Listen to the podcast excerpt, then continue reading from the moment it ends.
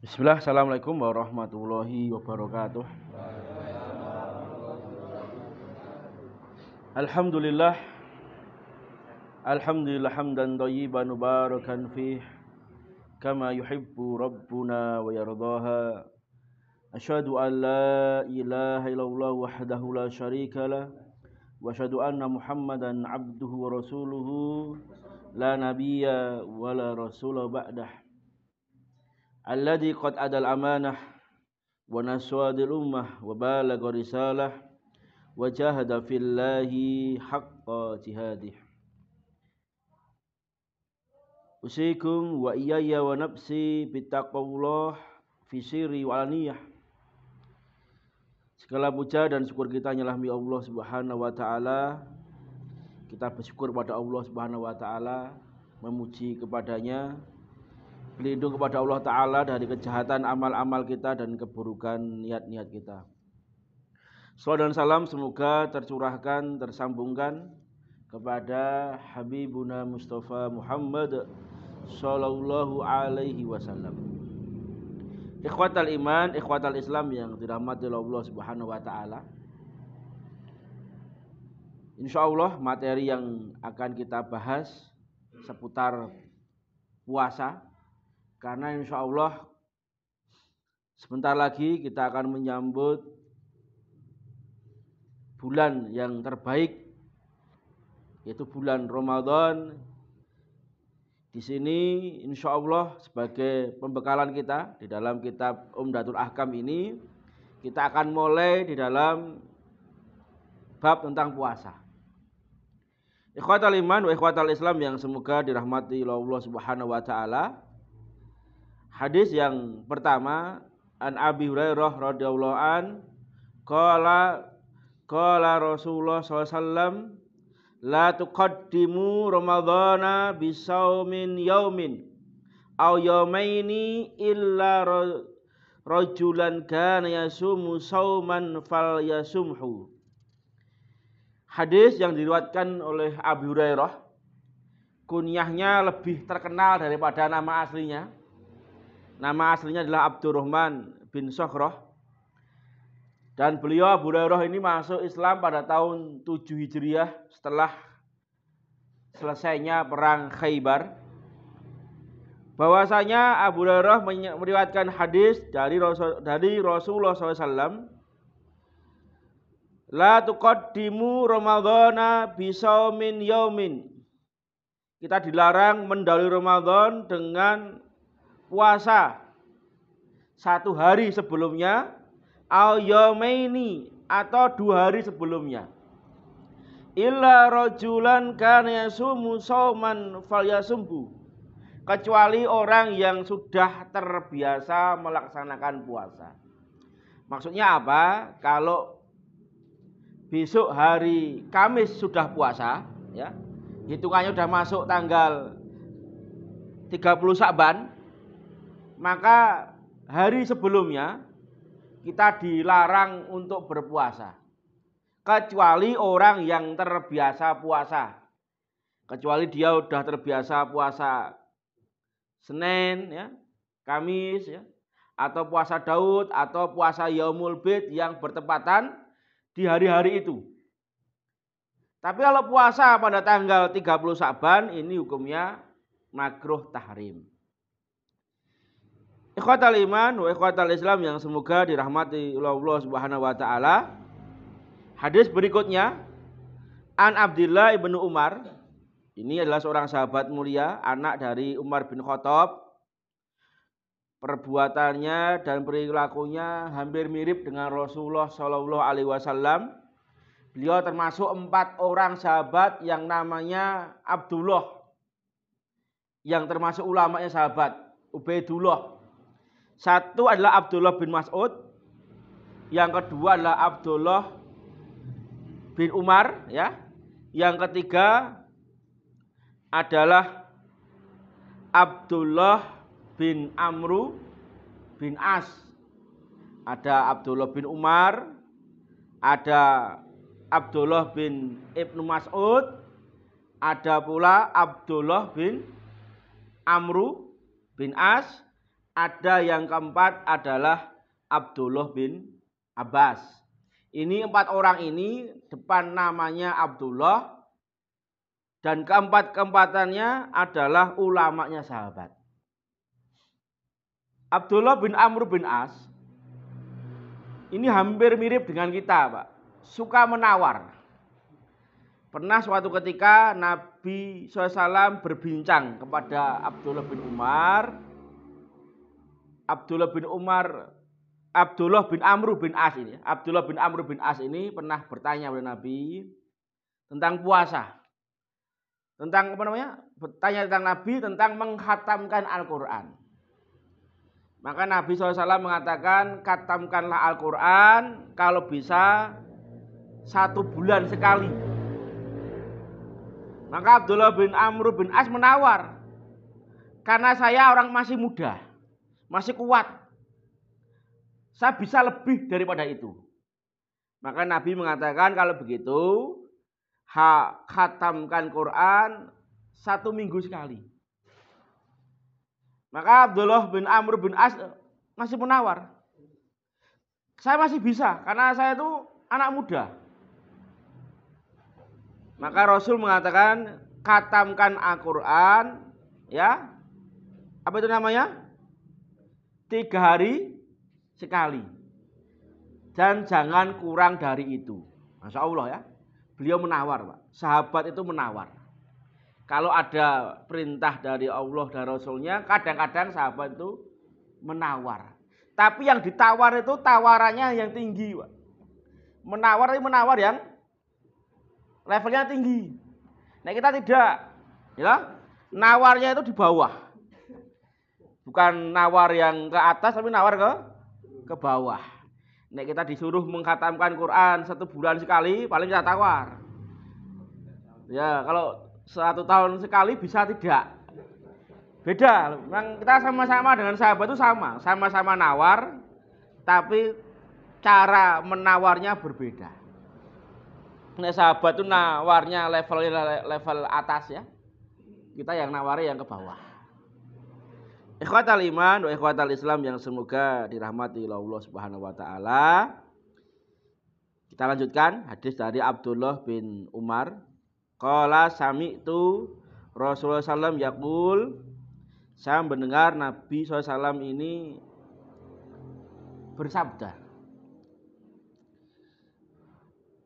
Ida ra'aitumu fasumu apabila engkau melihat hilal ya bulan Ramadan maka engkau berpuasa wa ida ra'aitumuhu fa'aftiru dan kalau kamu melihat hilal bulan Syawal maka engkau berbuka. Fa in ghumma alaikum faqduru lahu. Tapi kalau bulan itu tertutupi awan, ya, tertutupi awan, mendung, ya, nggak kelihatan, nggak bisa dilihat, maka kita disuruh menggenapkan, ya, menjadi 30 hari, ya, berapa? 30 hari. Dan ini dalil bagi orang yang melihat hilal itu wajib bagi dia berpuasa. Kalau itu hilal bulan Ramadan. Walaupun pemerintah mungkin ya berbeda dengan hasilnya dengan orang yang melihat. Kecuali ya kita tidak melihat ya. Kalau yang bagi yang tidak melihat yaitu mengikuti apa namanya? hilal kebanyakan masyarakat. Kalau dulu adalah khilafah ya. Kalau sudah pemerintah menetapkan hilal hukumah itu, maka kaum muslimin hendaklah mengikutinya bagi yang tidak melihat. Tapi kalau ada yang bisa melihat, kok ternyata dia berselisih, maka yang melihat harus mantap dengan apa yang dia lihat. Tapi tidak boleh menyebarkan. Kalau dia menyebarkan menimbulkan apa? Fitnah ya, menimbulkan fitnah. Ini hadis tentang awal mula permulaan dimulainya bulan Ramadan dan permulaan Idul Fitri atau Idul Adha. Hadisun salis An Anas bin Malik radhiyallahu an qala qala Rasulullah sallallahu alaihi wasallam tasaharu fa inna fi sahuri barokatan. Tasaharu itu perintah ya. Kita disuruh sahur. Karena di dalam sahur itu ada barokah. Maka sahur ini juga menyelisihi kebiasaan orang Yahudi dan Nasrani. Pembeda antara kita dengan Yahudi dan Nasrani. Yaitu apa? Sahur. Karena dalam sahur itu ada barokah. Maka Allah mengatakan, apa amalan tatkala sahur? Sahatu amalan tatkala sahur wabil ashari hum yastaghfirun. Maka di waktu sahur itu banyaklah kita beristighfar. Karena musibah bencana itu kebanyakan dimulai ketika sahur. Sebagaimana Allah binasakan kaum Lut itu di waktu pak pagi, waktu sahur. Maka perbanyak istighfar di waktu sahur. Maka kita disunahkan di sini untuk apa? Makan sahur ya, makan sahur. Al hadisur rabi an Anas bin Malik An Zaid bin Sabit, ini dari Anas bin Malik, seorang sahabat mulia, hidupnya selama 10 tahun mengabdi kepada Nabi sebagai pembantu. Dari Anas bin Malik, dari Zaid bin Sabit, Zaid bin Sabit itu siapa? Sekretaris Nabi, ya, yang menulis wahyu, yaitu Zaid bin Sabit, ya. Ini dan beliau adalah seorang sahabat yang sangat ahli tentang ilmu waris, ilmu faraid. Qala tasaharna ma'a Rasulillah SAW. Kami sahur bersama Nabi. Berarti apa? Zaid bin Sabit ini berada di salah satu rumah Rasulullah Shallallahu Alaihi Wasallam. Sumakoma ila sholah Kemudian kami berdiri untuk sholat, yaitu sholat subuh. Qala Anas, berkata Anas bin Malik, Qutuli Zaid, saya berkata kepada Zaid, Kam kana bainal adan was sahur. Berapa jarak antara adan dan sahur? Qala qadru khamsina ayah. Sekitar li, membaca 50 apa? ayat. Sekitar 10 menit atau 7 menit, Pak. Maka penting tatkala kita besok besok bulan Ramadan, kita punya jadwal imsakiyah. Jangan patokannya adan. Nah, adane kegasian atau mungkin malah kerinan di akhir ke padahal udah subuh kita makan bisa membatalkan puasa. Ini ya. Ini jaraknya sekitar 50 ayat. Al hadisul khamis an Aisyah wa Ummi Salamah. Ini dari Aisyah radhiyallahu anha dan dari Ummi Salamah. Ummi Salamah ini istri dari siapa? Dari Abu Salamah. Abu Salamah itu saudara Nabi, Pak. Kok tahu? saudara Nabi. Ada yang tahu kenapa? Abu Salamah itu saudara Nabi. Abu Salamah. Abu Salamah itu saudaranya Nabi. Padahal Nabi itu tidak punya saudara kandung ya, karena anak satu satunya anak tunggal. Abu Salamah itu adalah saudara sepersusuan. Abu Salamah itu pernah dulu menyusu kepada Swaibah ya Al-Aslamiyah, budaknya Abu Lahab, namanya Swaibah Al-Aslamiyah. Menyusu kepada Swaibah ini ada Hamzah, ada Nabi dan ada Abu Salamah. Jadi Hamzah bin Abdul Muthalib itu paman Nabi juga saudara seper susuhan. Kok bisa, Pak? Pamannya seusia. P, Pak. Paman seusia ya, Pak. Paman. Usianya sama dengan Nabi. Paling enggak selisih pun ya berapa hari itu, Pak. Karena Hamzah ini anak dari istri keempatnya Abdul Muthalib. Jadi Abdul Muthalib itu punya empat orang istri, ya, empat orang istri. Maka um, Ummu Salamah ini, tatkala Abu Salamah ini meninggal seusai perang Uhud karena luka yang banyak, kemudian meninggal, kemudian Nabi bertaziah, Nabi mengajari doa kepada Ummu Salamah. Doanya apa? Allahumma ajirni fi musibati wa li khairan minha. Ya Allah, berilah pahala atas musibah yang menimpaku dan gantilah ya musibah ini ya gantilah dengan yang lebih baik daripada ini. Ternyata betul, Pak. Ummu Salamah mendapat ganti yang lebih baik dari Abu Salamah yaitu siapa? Rasulullah Shallallahu Alaihi Wasallam.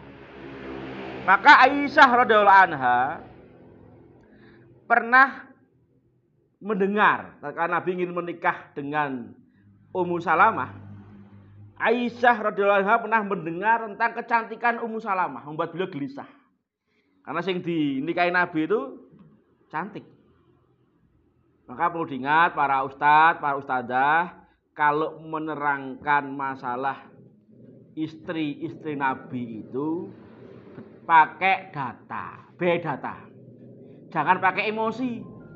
Nek pakai emosi pasti para ustazah itu nerang ini istri-istri Nabi itu tua-tua. Orang sing tua Pak kecuali satu.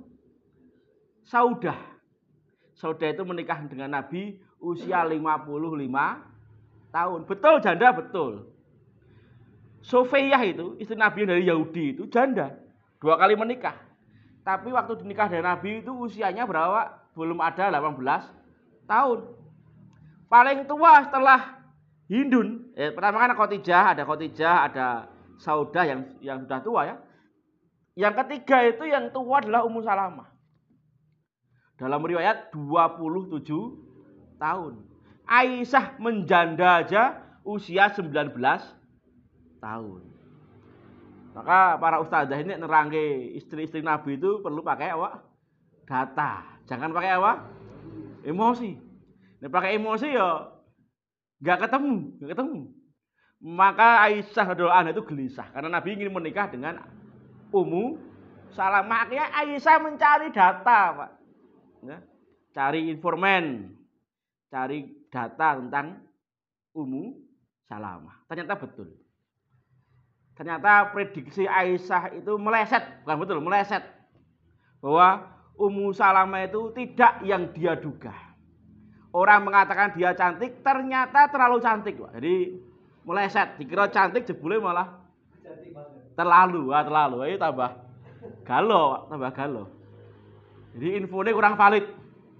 Bilangnya cantik, ternyata apa? Terlalu, terlalu cantik. Maka ini Nabi Ummu Salamah ya, Ummu Salamah yang termasuk istri Nabi yang meninggal paling akhir ya Ummu Salamah. Anna salam kana yudrikuhul fajru wa huwa junubun min ahlihi summa yahtasilu wa yasumu. Bahwasanya Nabi SAW pernah mendapati fajr yaitu subuh ini dalam kondisi beliau itu junub ya min ahlihi junub karena berhubungan dengan istrinya. Summa yaktasilu wa yasum. Kemudian beliau mandi, kemudian beliau puasa. Berarti apa, Pak? Beliau tidak makan sahur. Wis, Pak. Wis subuh, Pak. Subuh dalam kondisi junub, kemudian mandi, kemudian apa? Sholat.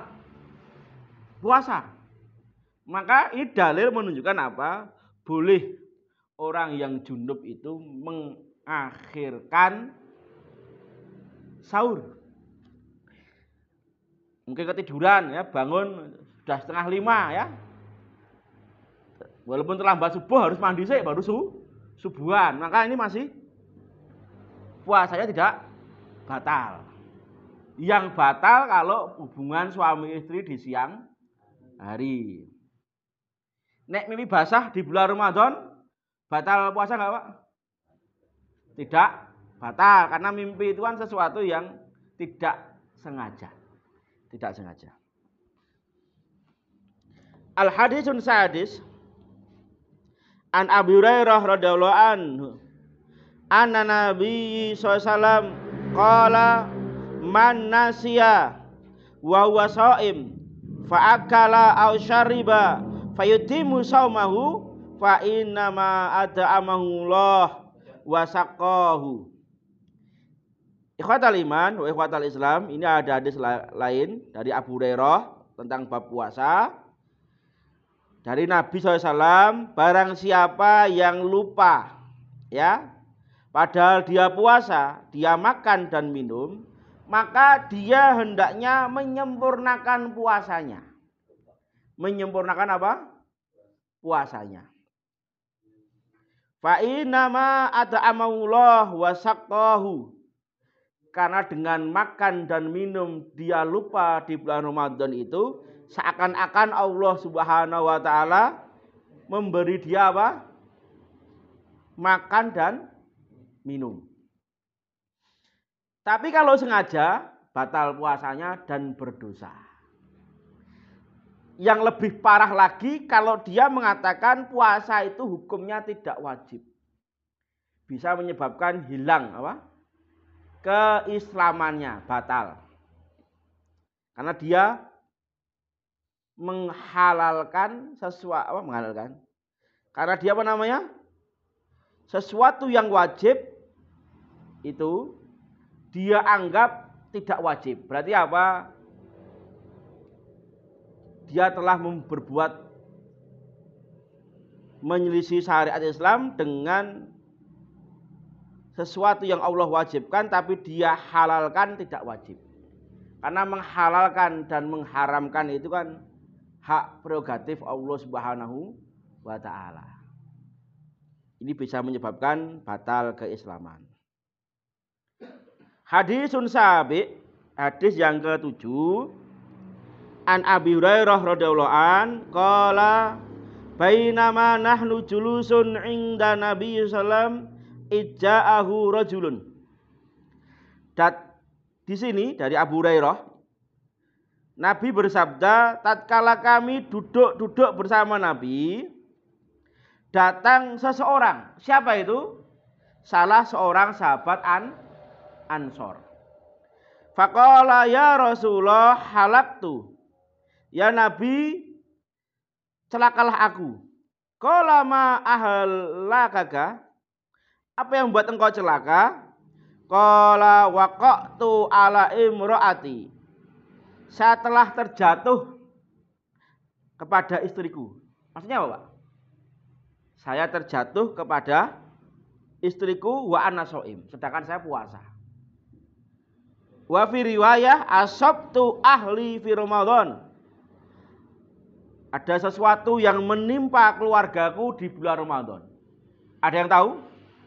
Maksudnya apa hadis ini? Maksudnya apa? Apa?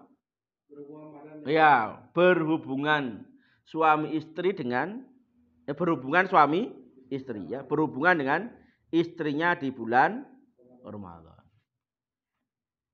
Karena saya pernah Pak ngisi seperti itu ada yang tanya. Dulu saya pernah Pak.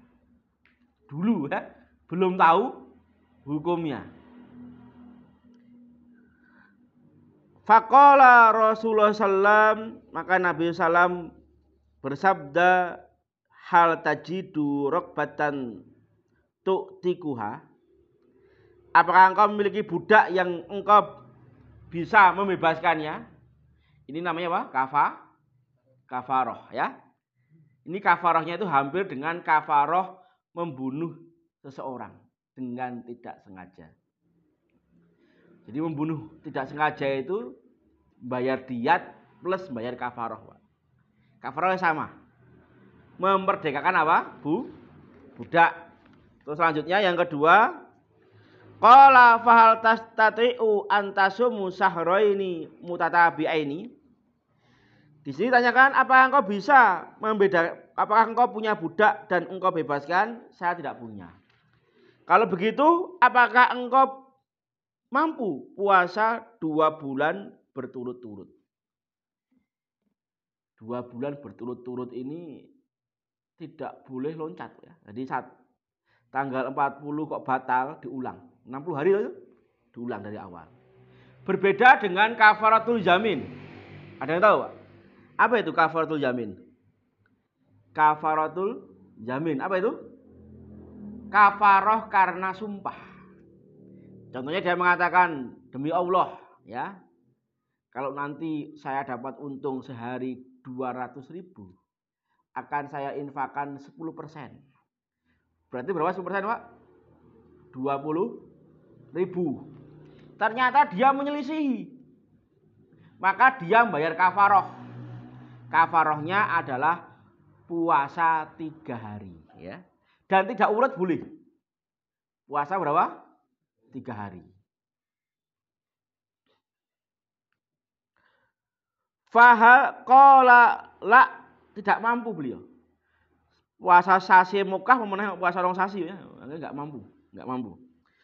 Qala la qala fahal tajidu ita'ama sittina miskinan.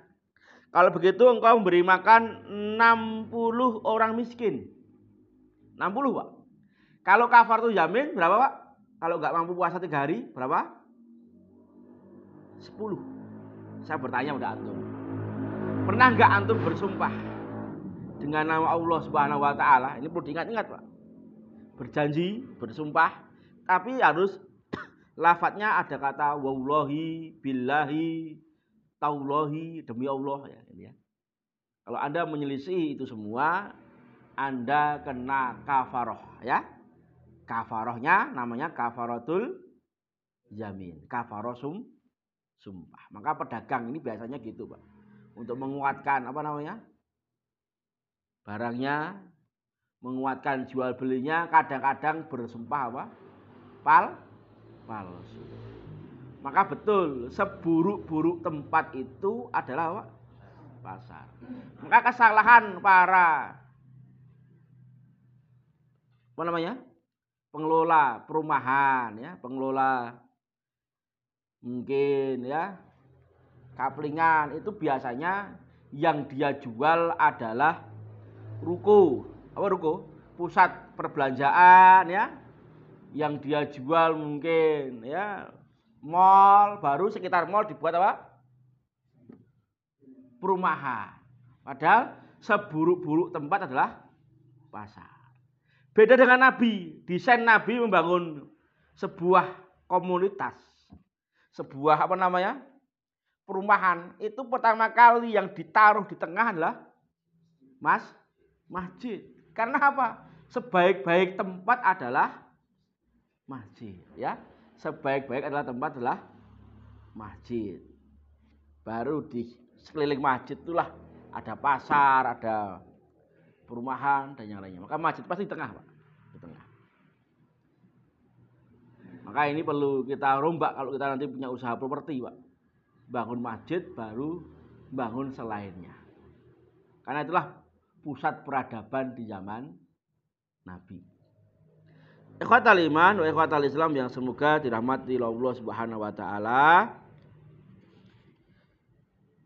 Qala la saya tidak sanggup yang Nabi kalau memberi makan 60 orang miskin. Qala famakasa Nabi sallam fa baina nahnu ala dalik utiya Nabi sallam bi arakin fi tamrun Kemudian Nabi menyuruh seorang sahabat ya untuk mendatangkan satu keranjang dari tamer dari kur kurma.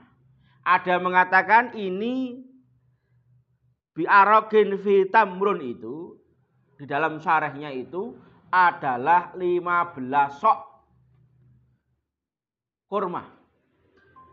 Satu sok itu berapa? Satu sok. Satu sok. Satu sok itu arb, arbaatu amdat ya. Empat mut. Satu sok itu empat mut. Satu sok itu ukuran zakat fitrah. Sedangkan mut itu, satu mut itu ukuran fidyah. Fidyah punya mut, tapi kalau zakat fitrah ukurannya sok. Jadi satu sok itu empat mut, berarti lebih banyak daripada satu mut. Tapi kenapa kok ukuran satu sok ini kok berlainan, Pak? Ada yang mengatakan 2,2, ada yang mengatakan 2,5, ada yang mengatakan berapa? 2,7, ada yang mengatakan paling tinggi 3 kilo. Kenapa? Karena ukuran sok itu dulu itu takaran, Pak. Jadi takaran Madinah dengan takaran Mekah itu beda. Takaran Madinah dengan Syam atau Mesir juga beda. Gelas takar. Ini dulu zaman kita kecil kita kelingan ya. Beli beras itu di Pak. Di liter-literi ya. Di literi. Baik kaleng ya, ditutung. Jangan nolong ngopet barang ya. Ono perto nek masih ingat Petromak ya zaman dulu ya. Nah, ini ini pakai sama. Kan ukurannya beda-beda itu, Pak. Beda daerah itu beda. Sehingga menyebabkan bedanya beratnya. Qala aina sa'il? Maka Nabi bertanya, di mana orang yang tadi bertanya? Qala ana ya Rasul. Qala khud hada fatasaddaq Ambillah ya satu keranjang kurma ini sedekahkanlah. Faqala rajul maka berkata sahabat Ansor ini Allah afkara minni. Dia masih bertanya, "Ya Rasul, apakah ada yang lebih miskin daripada saya?" Ya Rasulullah, wallahi. Ya ini boleh, Pak. Boleh bersumpah untuk apa? Menguatkan kondisi atau menguatkan pendapat kalau dia benar. Fawallahi ma baina labaitaha. Demi Allah, ya Rasulullah, di antara dua lembah itu. Yuridu harataini, dua haroh. Ya. Haroh itu adalah daerah yang banyak ditumbuhi batu-batu hitam. Ya. Dua lembah itu ahlul baitin afkaro min ahli baiti. Tidak ada keluarga yang lebih miskin daripada keluarga saya. Fadhika Rasulullah SAW hatta badat anyabuhu. Maka Nabi tertawa sampai kelihatan anyabuhu. Apa anyabuhu itu, Pak? Gigi taring, ya. Gigi apa? Taring. Sumakal maka bersabda Nabi, Ata'imhu ahlak. Berilah makan keluar keluarga. Di hadis ini kita bisa memahami bahwa ini adalah perintah larangan berhubungan suami istri siang hari di bulan Ramadan dengan ancaman kalau dia melaksanakannya dia akan mendapati apa? hukuman kafa kafaroh dan kafarohnya harus urut tidak boleh langsung loncat, harus apa? Urut. Budak dulu, bebaskan, nggak punya ya puasa, kalau nggak mampu baru yang ketiga. Dan ini juga akhlak Nabi. Nabi memberikan sebuah so, solusi. Apa solusi Nabi ini? Solusinya beliau betul-betul mengukur dan memberikan bantuan ya kepada seorang sahabat sehingga dia mampu menebus kafarohnya. Kita lanjutkan. Babus saum fisafar. Bab puasa tatkala safar. Hadisun awal, hadis yang pertama tentang bab ini dari Aisyah radhiyallahu anha, anna Hamzah bin Amrin al-Aslami dari seorang sahabat Hamzah bin Amr al-Aslami qala li Nabi sallam A'asumu fi safar? Apakah saya ini boleh puasa tatkala safar? Wa kana kasiru dan diterangkan oleh para perawi bahwa Hamzah bin Amri Al-Aslami ini adalah seorang sahabat yang banyak puasa. Faqala in syi'ta fasum wa in syi'ta fa'aftir. Kalau engkau mau engkau boleh puasa, kalau engkau mau, engkau boleh berbuka. Asal jarak tempuhnya adalah jarak safar. Kalau para imam mazhab mengatakan jaraknya sekitar 48 mil. 72 kilo. Baik dia mau naik pesawat atau naik mobil atau jalan. Kalau dia sudah menempuh jarak safar, boleh buka, boleh puasa. Tapi diganti di hari lain. ya Diganti di hari yang yang lain. Selanjutnya dari Anas bin Malik Qala kunna nusafiru ma'an nabiyyi SAW falam ya'id as-so'im alal muftir walal muftir alal so'im. Kami pernah safar bersama Nabi, ya, safar kepada sama Nabi, maka bagi yang puasa tidak mencela yang berbuka dan yang berbuka tidak mencela yang berpuasa. Maka ini diberi awak diberi pilihan mau puasa atau mau buka. Nah, ini beri pilihan. Masya Allah ya. Diberi apa namanya? Pilih pilihan. Terakhir, ini yang terakhir sebelum kita tanya jawab. Hadisun salis an Abi Darda radhiyallahu an qala kharajna ma'a Rasulillah sallallahu alaihi wasallam fi syahri Ramadan. Kalau ada yang bisa jawab, insya Allah kita kasih hadiah, Pak. Hadiahnya juga misteri ini ya. Siapa yang tahu namanya Abu Darda? Abu Darda itu hanya kunyah, ya, julukan. Banyak sahabat yang julukannya lebih terkenal daripada namanya. Ada Abu Dar, Abu Dar Al-Ghifari itu nama aslinya apa? Jundub bin Junadah. Ya. Siapa nama Abu Dar? Abu Darda. Ada yang tahu? Siapa? Nama aslinya? Ada nama aslinya? Nama aslinya adalah Uwaimir. Ya. Bin Qais. Uwaimir. Ya. Tapi kunyahnya lebih terkenal daripada namanya. Qala kharajna ma'a Rasulillah SAW fi sahri Ramadan. Saya pernah keluar bersama Nabi di bulan Ramadan. Dan Abu Darda ini masuk Islam tatkala perang Uhud ya. Fi hari sadid. Dalam waktu ya di dalam kondisi yang sangat panas. Karena Ramadan itu musim panas. Hatta ingkana ahaduna la yadha'u yadayhi ala ra'sihi min syiddatil har Sampai ada di antara kami yang meletakkan telapak tangannya di atas kepalanya karena saking panasnya. Ini keluar di bulan Ramadan dalam perang Fatul Mekah. Jarak Madinah ke Mekah itu kan hampir 500 kilo ya. Wa ma fina so'imun ila Rasulullah SAW wa Abdullah ibnu Rawahah.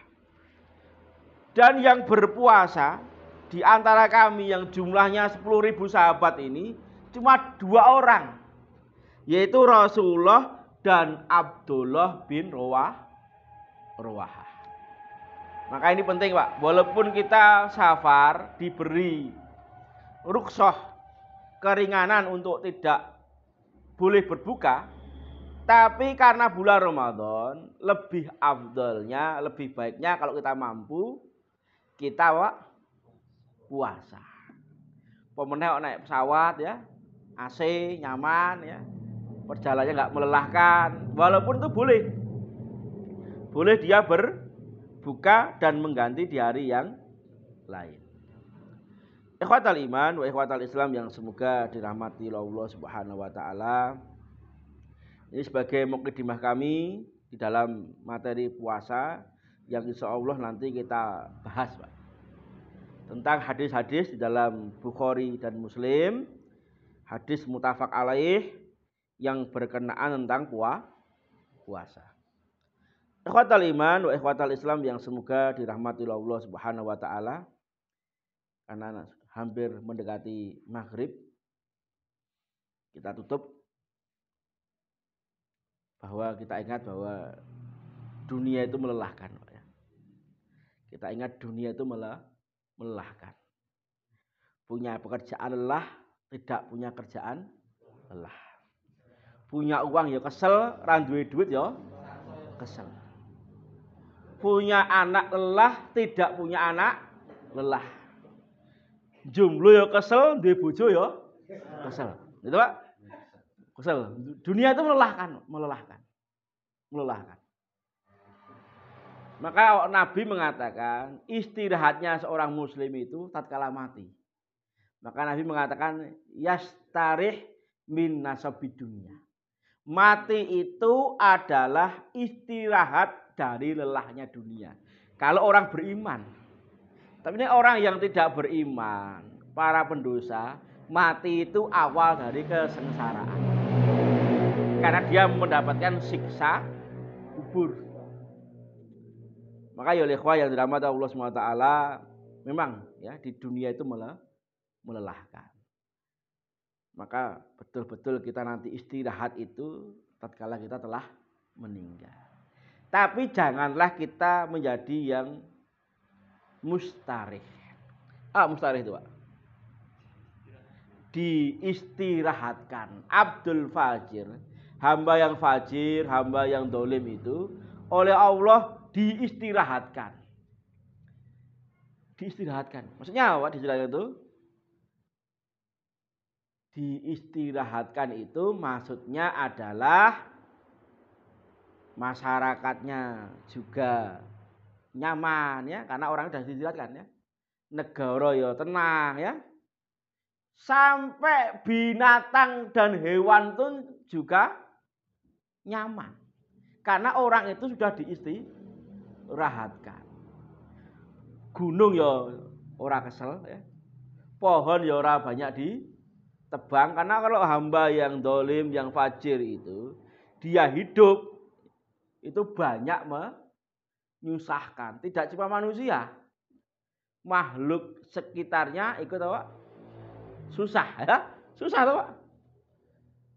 Kalau dia mati namanya mustarih, diistirahatkan.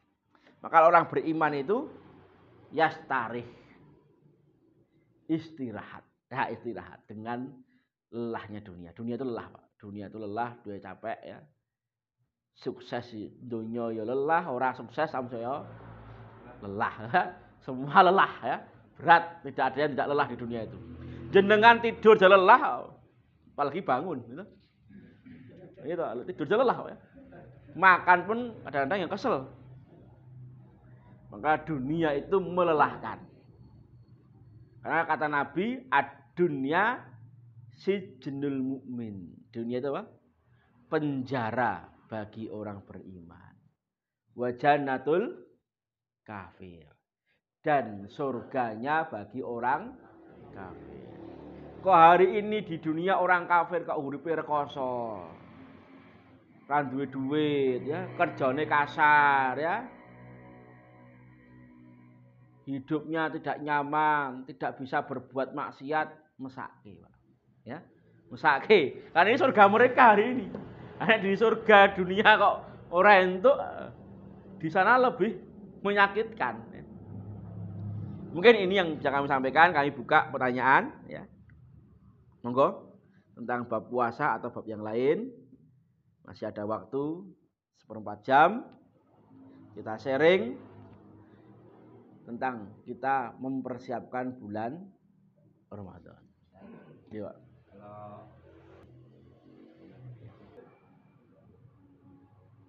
Kalau tidak ada, kita hari ini mari kita pelajari lagi tentang ekonomi syariah. Ekonomi syariah itu hari ini yang di Indonesia itu cuma cuma akot-akotnya yang syariah.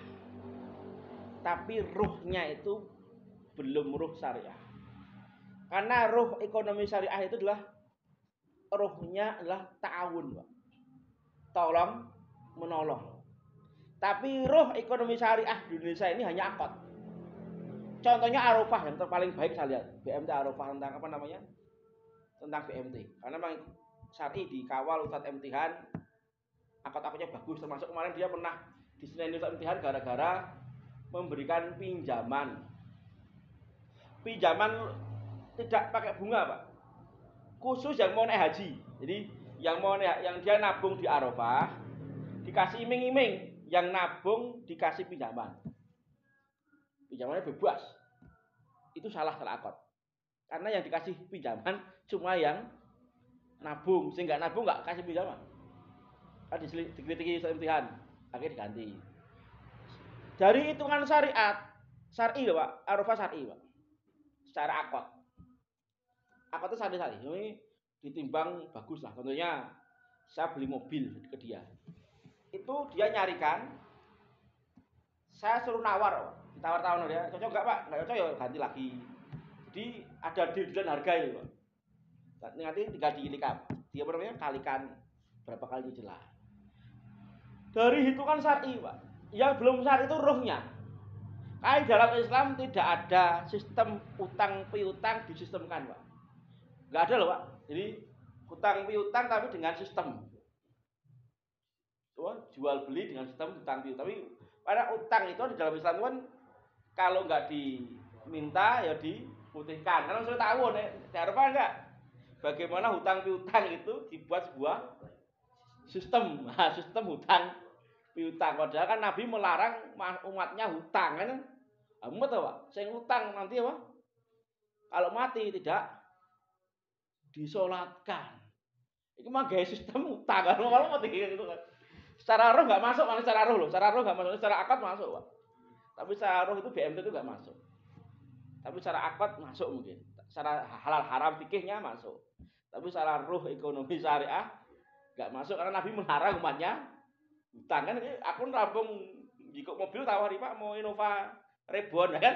Utang mati ra disolat ya ra disolat ya enggak disolatkan kalau Nabi masih hidup untungnya Nabi udah meninggal. Untungnya itu Pak.